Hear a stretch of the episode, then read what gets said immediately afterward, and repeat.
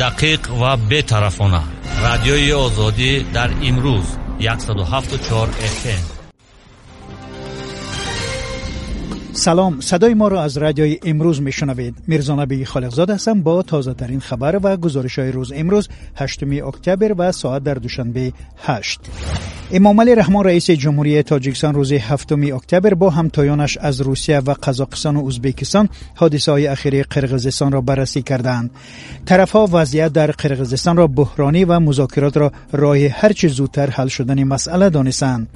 خدمات مطبوعاتی پرزیدنت تاجیکستان نویش جانبها اهمیت با راه مذاکرات هرچه زودتر حل و فصل نمودن وضعیت بحرانی در این کشور همسایه به عمل آمده را تاکید کردند.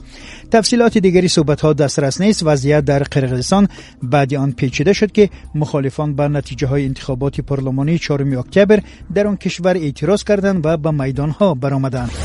صبح هفتم اکتبر در یک مجمع ورزشی الپامیش شهر گلستان ولایت سرخاندریا ترکش لوله اکسیژن رخ داد. این مؤسسه در دوره پندمی به مکان موقتی نگهداشت بیماران آلوده شده به کووید 19 تبدیل شد. радиои озодлик хабар дод ки дар таркиши лӯлаи даҳтонагии оксиген як нафар куштаву даҳҳо нафар маҷрӯҳ шуд бархе дар ҳолати сангин қарор доранд вале мақомот гуфтанд ки дар таркиш талафоти ҷонӣ ба қайд гирифта нашудааст шоҳидон мегӯянд ки шиддати таркиш чунон сахт буд ки дар натиҷа дар фосилаи як километр дуртар аз маҷмаи варзиши шишаҳои тирезаҳои хонаҳо рехтаанд بعدی ترکش به مکان حادثه ده ماشین یاری تعجیلی حاضر شد و این منطقه را کارمندان حفظ قانون احاطه کردند.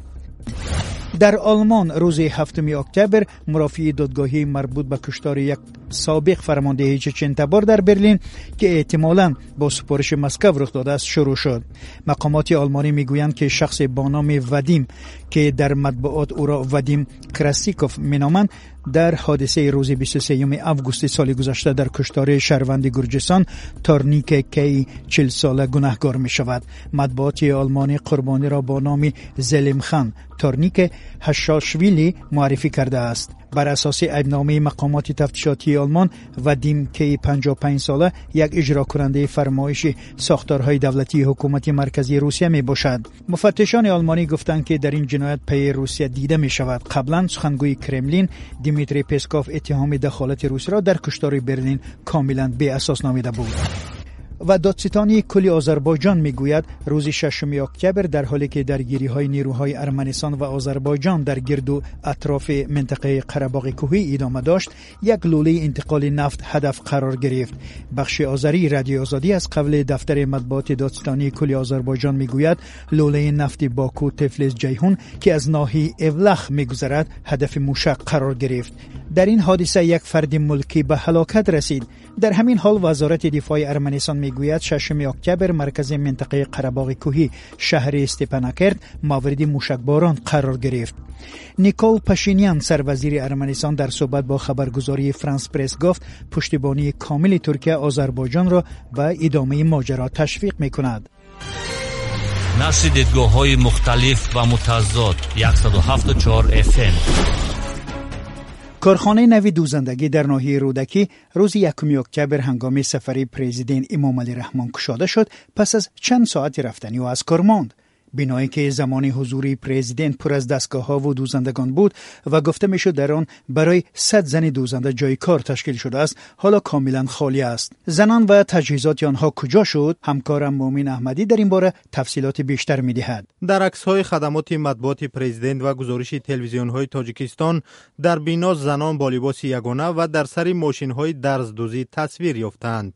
امامعلی رحمان با آنها صحبت کرده به نوشته سامانه پرزیدنت برای تامین زنان و دختران به جای کار بهای بلند داد. خبرنگار رادیو آزادی صبح دوم اکتبر به این بینا رفت ولی در آنجا دستگاه های دوزندگی و زنهای هنرمند را ندید.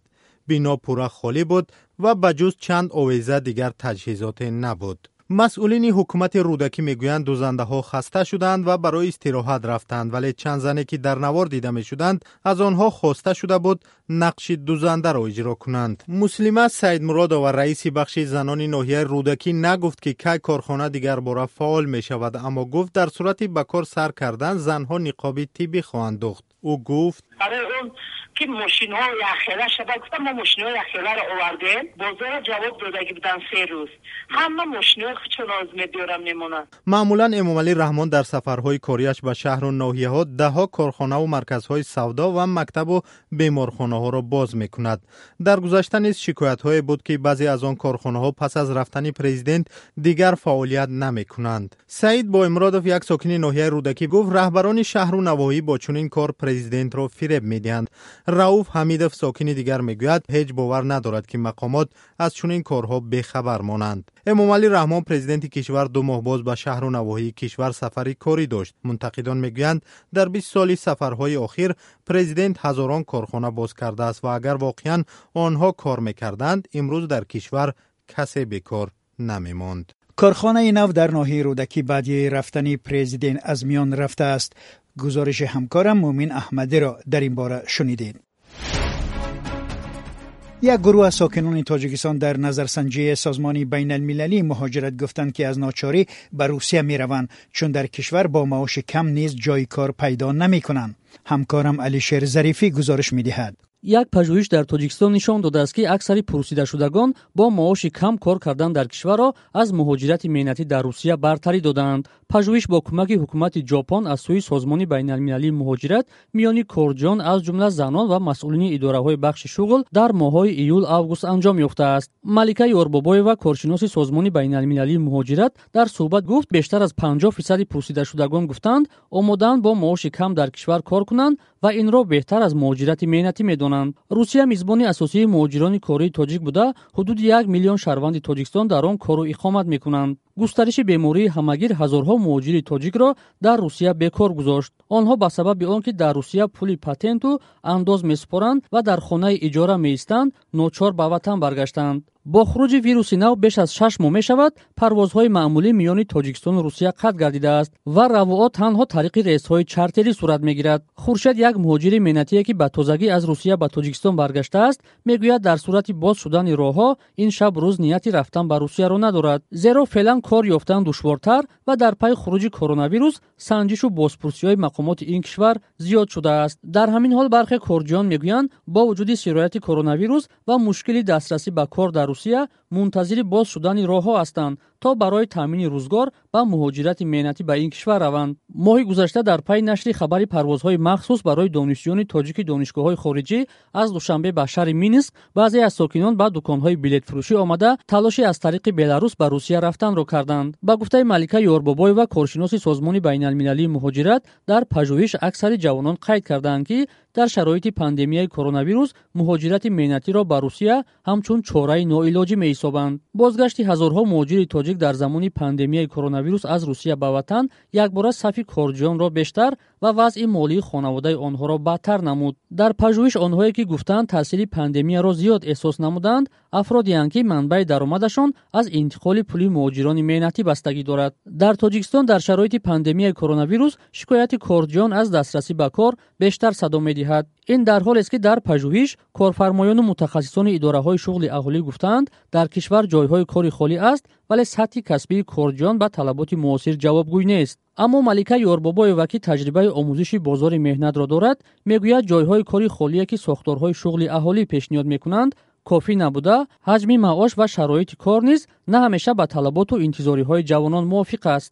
Таҷрибаи ҷаҳонӣ нишон дода истодааст ки дар оянда рушди шуғли масофавӣ дар назар аст. Барои мисол компанияҳои бузурги ҷаҳонӣ аллакай таҷрибаи ташкили марказҳои хизматрасонии махсус ба монанди колцентрҳо дар давлатҳои осиё аллакай ташкил карда буданд якчанд сол пеш.